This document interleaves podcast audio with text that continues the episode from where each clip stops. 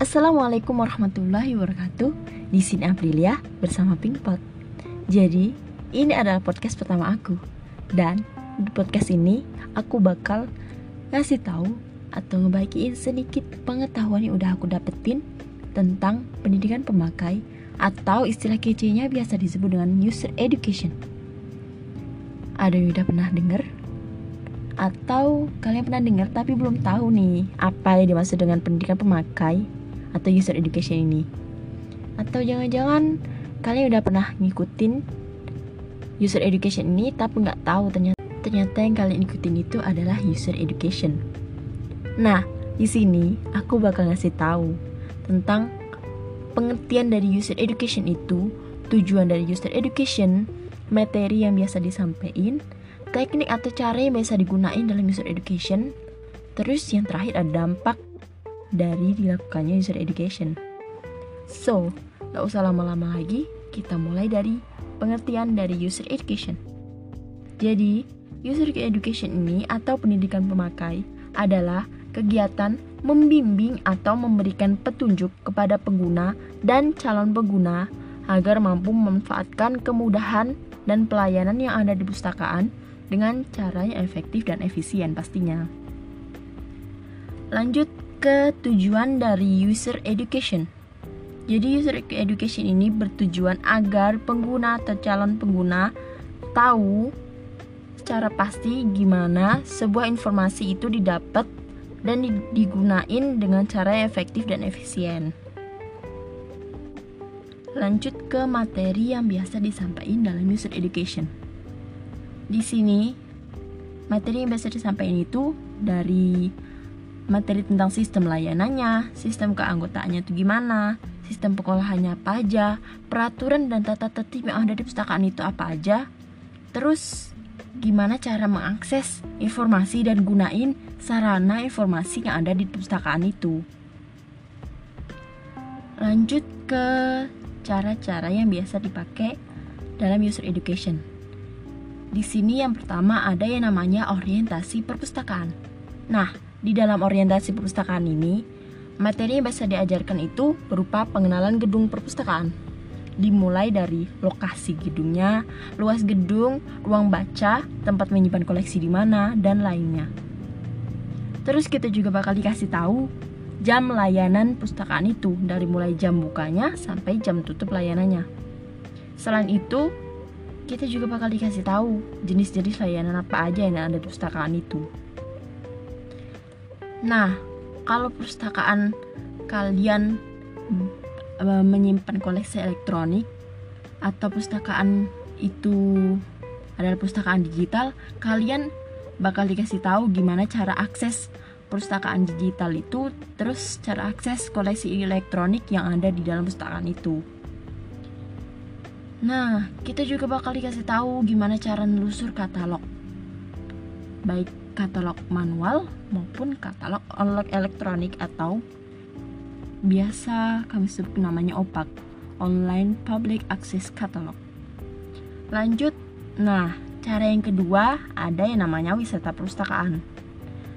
Wisata perpustakaan ini merupakan teknik pendidikan pemakai dengan cara memandu pengunjung atau pengguna tadi yang mengikuti user education dengan berkunjung ke perpustakaan. Nah, ternyata nih cara ini bisa memberikan beberapa manfaat. Nah, yang pertama itu menciptakan suasana bersahabat antara pemustaka atau pengguna tadi dengan pustakawan, yaitu pengolah pustakaannya. Manfaat yang kedua, kita juga bisa tahu gimana uh, gunain sarana perpustakaan yang ada di dalam situ. Lanjut, uh, nah di sini pengguna bakal berperan aktif menggunakan fasilitas yang ada di perpustakaan itu. Jadi kita tuh bisa gunain fasilitas apa aja yang ada di perpustakaan itu. Dengan catatan kita diawasi oleh pustakawan tadi. Nah, untuk Wisata perpustakaan ini biasanya dilakuin sekitar 45 menit. Lanjut, cara yang ketiga ada yang namanya permainan dan tugas mandiri. Nah, cara ini cukup efektif nih untuk digunain perpustakaan sekolah usia anak da sekolah dasar dan usia anak sekolah menengah. Kenapa? Karena ternyata permainan itu sangat berguna dalam meningkatkan kemampuan anak sehingga mereka lebih dapat menikmati penggunaan perpustakaan.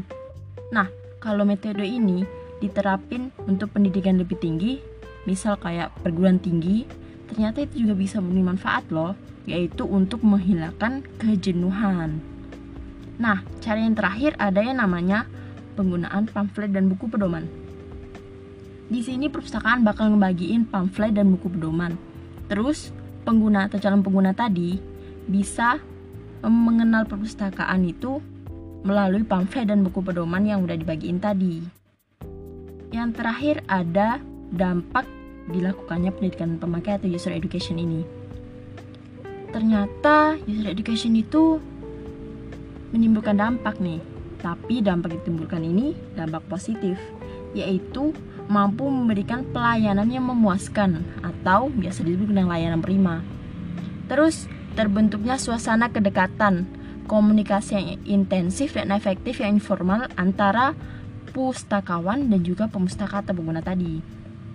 Nah, jika demikian, maka di antara mereka akan saling membantu dan membutuhkan satu sama lain. Wah, bermanfaat banget ya. Nah, di era digital ini atau berkembangnya teknologi yang sangat pesat, kita bisa uh, melakukan user education menggunakan teknologi. Nah, salah satunya bisa pakai yang namanya VR atau virtual reality. Kita bisa ngelilingi perpustakaan tanpa harus berjalan ngelilingi perpustakaan itu, tapi cuman pakai virtual reality kita bisa uh, ngeliling perpustakaan itu dengan secara nyata. Walaupun cuma duduk terus pakai pakai alat VR itu. Wah canggih banget ya guys. Oke mungkin cukup itu aja sih yang aku sampaikan. Semoga apa yang udah aku sampaikan tadi bermanfaat bagi banyak orang pastinya. So see you next time. Wassalamualaikum warahmatullahi wabarakatuh